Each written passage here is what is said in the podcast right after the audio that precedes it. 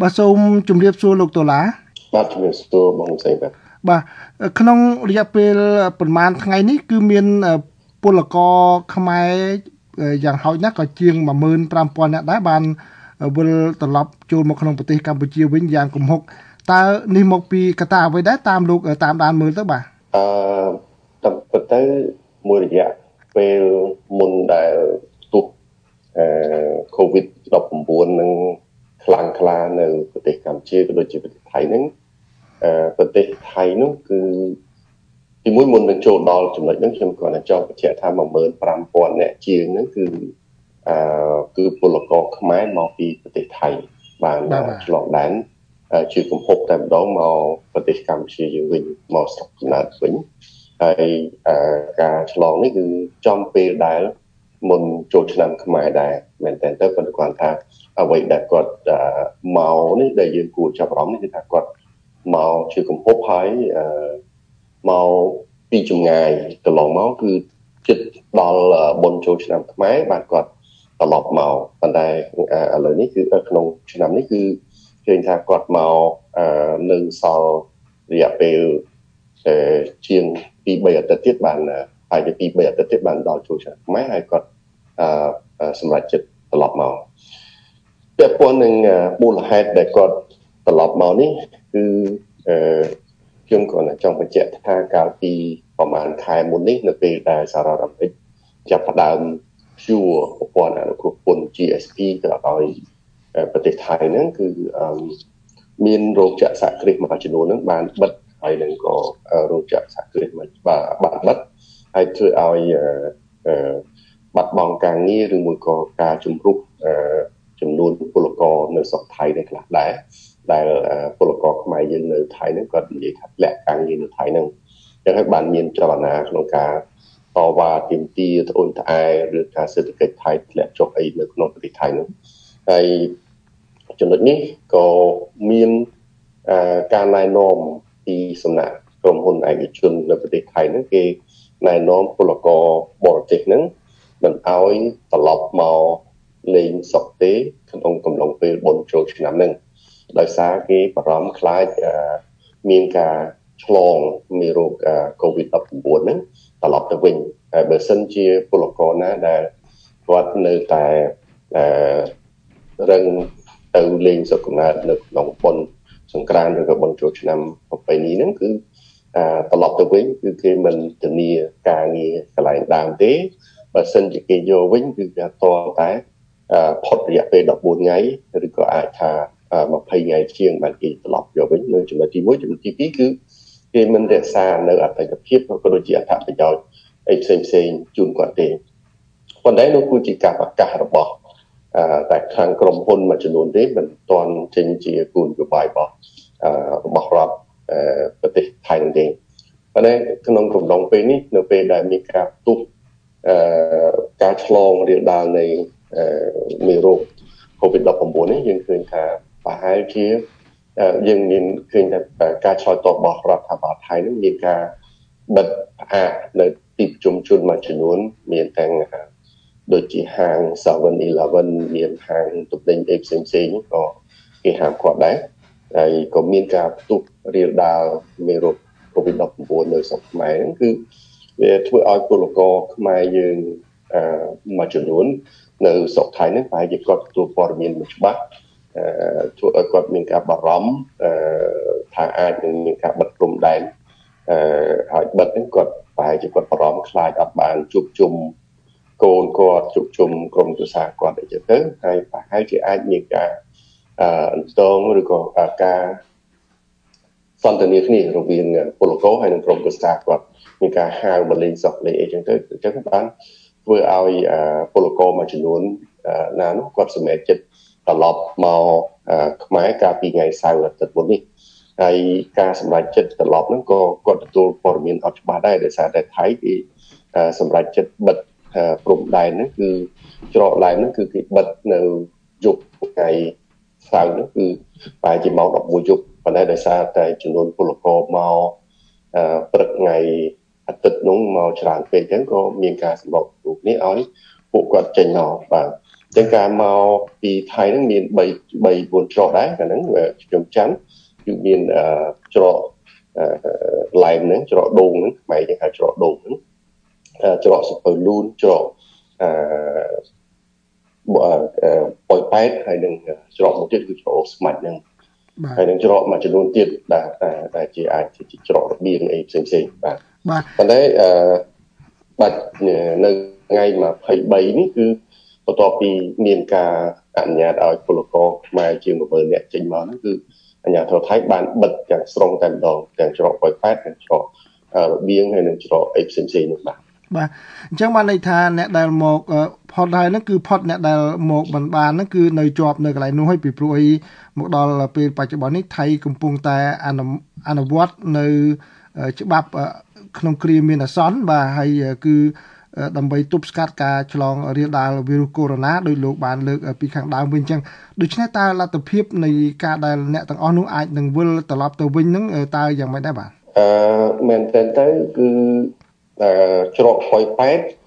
គឺគេបិទមានរយៈពេលគេចាប់ពីថ្ងៃ23ខែមិនិនានេះរហូតដល់ថ្ងៃទី5ខែ4ខែមេសាហើយ ប៉ុន្តែនេះគឺជាការកំណត់របស់គោលនយោបាយរបស់ថៃហ្នឹងក៏ប៉ុន្តែក៏មិនប្រកាសថាចាប់ពីថ្ងៃ6ទៅគេបើកច្រកប៉ុយប៉ែតនឹងឡើងវិញដែរហ្នឹងគឺគេនៅទុកគេនៅទុកប្រឡោះដើម្បីចាំមើលស្ថានភាពនៃការរាលដាលរីករាលដាលនៃមេរោគ COVID-19 ហ្នឹងដល់ឡែក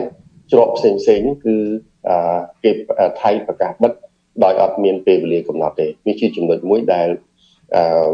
យើងអត់មានភាពច្បាស់លាស់ទាំងអស់គ្នាហើយសម្រាប់ពលរដ្ឋខ្មែរដែលត្រឡប់ទៅ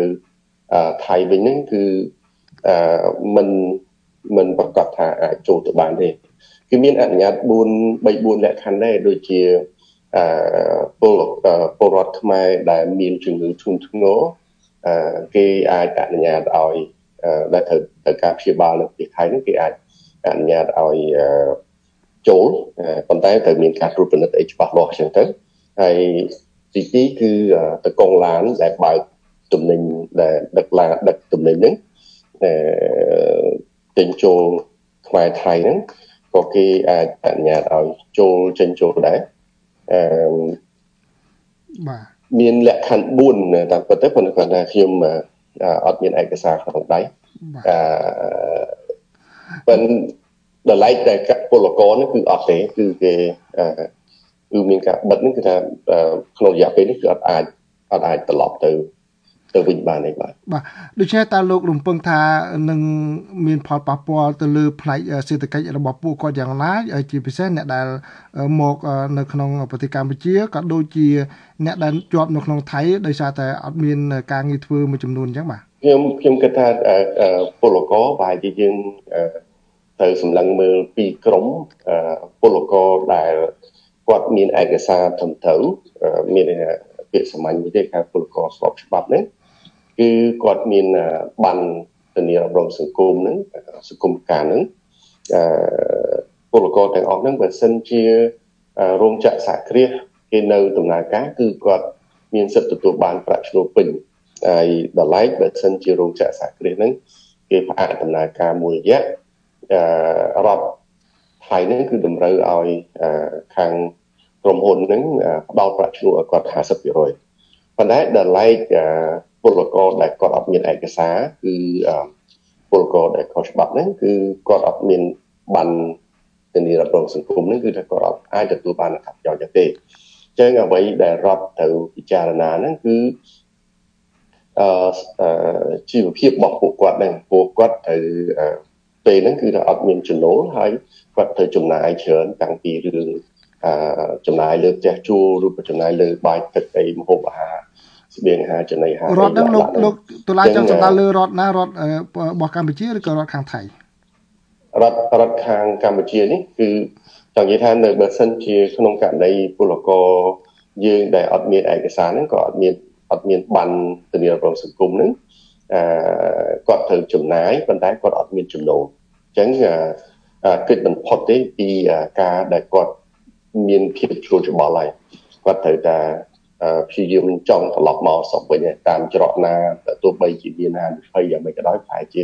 អាចនឹងមានភាពបញ្ជូលបញ្ជូលក្នុងរយៈពេលប្រហែលថ្ងៃទៅមុខទៀតហ្នឹង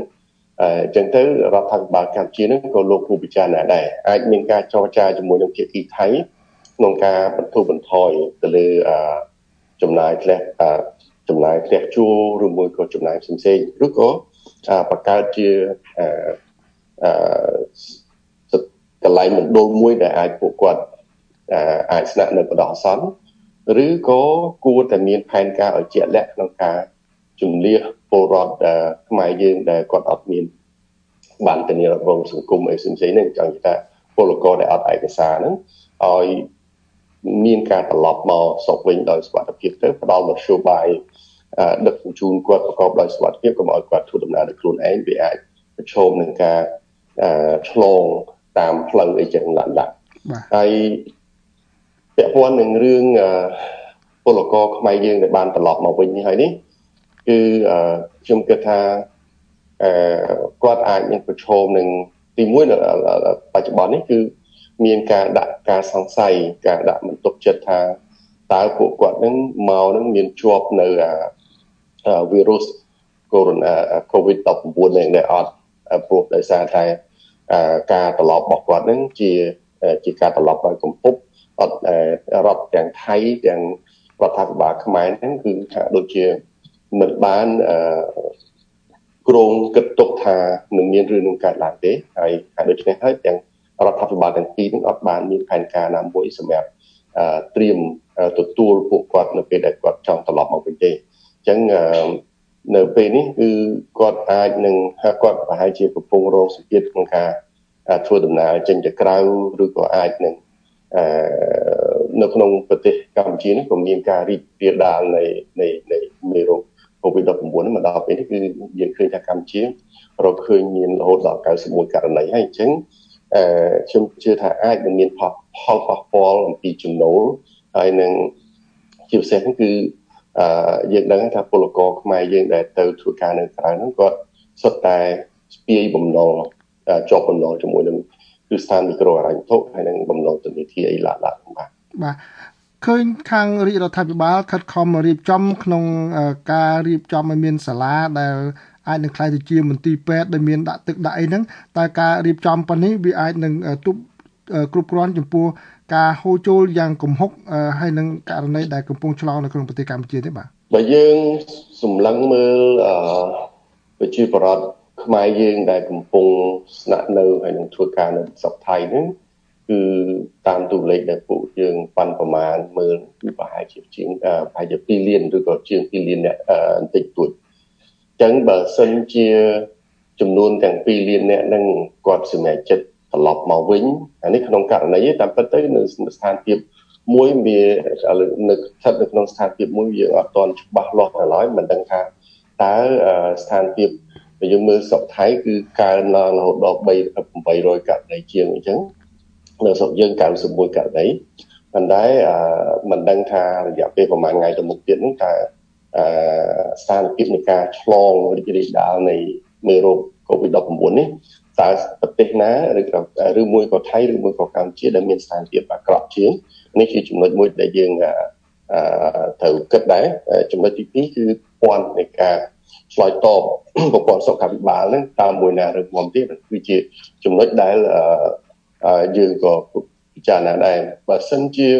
ការការរីករាលដាលនៃមេរោគ COVID-19 នឹងនៅស្រុកថៃកាន់តែអាក្រក់ទៅក្រក់ទៅហើយមានការបិទព្រំដែនកាន់តែយូរទៅខ្ញុំថាលទ្ធភាពដែលពលករអាចត្រឡប់មកវិញគឺកាន់តែខ្ពស់ហើយបើសិនជា2លានអ្នកនឹងត្រឡប់មកវិញទាំងអស់គ្នាអឺខ្ញុំថាពេលហ្នឹងប្រហែលជាការសកួរសាលារៀនមួយកន្លែងក្នុងមួយខេត្តហ្នឹងប្រហែលជាអត់ទាន់គ្រប់ទេអាហ្នឹងចំណុចទី1ចំណុចទី2អឺខ្ញុំក៏មិនទាន់ដឹងដែរថាតើការយកសាលារៀនអឺ មួយកន្លែងក្នុងមួយខេត្តហ្នឹងមានបំពាក់បរិខាអឺសំរុំនៅធម្មតាយើងឲ្យគាត់ដាក់ឲ្យគាត់នៅដាច់កន្លែង14ថ្ងៃហើយយើងត្រូវគិតថាកន្លែងកន្លែងស្នាក់នៅ14ថ្ងៃនេះជាកន្លែងស្នាក់នៅពាក្យថាកន្លែងស្នាក់នៅគឺមានន័យថាមានកន្លែងសម្រាកមានកន្លែងដេកមានកន្លែងហូបចុកមានបន្ទប់ទឹកគ្រប់គ្រាន់មានសម្ភារៈបរិខាអីប្រើប្រាស់គ្រប់គ្រាន់ ក៏ដូចជាមានស្បៀងអាហារគ្រប់គ្រាន់ដែរបើកាលណាយើងអត់ពិចារណាលើចំណុចហ្នឹងទេអឺគឺអ្នកដែលត្រូវបានគេយកទៅដាក់នៅក្នុងសាលាឬក្នុងមណ្ឌលឲ្យនៅដាច់ដライ14ថ្ងៃហ្នឹងទៅជាមានអារម្មណ៍មួយថាគេត្រូវបានគាត់ត្រូវបានគេយកមកឃុំនេះជាចំណុចដែលយើងត្រូវពិចារណាអឺហើយដូច្នេះហើយខ្ញុំថាហើយបន្ទាប់ពីអឺស្ថានភាព14ថ្ងៃអស់លែងប្រើប្រាស់ជាកន្លែងដាក់14ថ្ងៃ ដាច់កន្លែងពីគេហ្នឹងគឺសាលាហ្នឹងត្រូវតែសម្អាតដែរមានយន្តការសម្អាតហើយព្រោះអឺចំមិនចង់នៅពេលដែលស្ថានភាពស្ងប់ស្ងាត់ទីតាំងហ្នឹងត្រូវប្រើជាកន្លែងសាលារៀនហើយបើមិនសម្អាតឲ្យបាន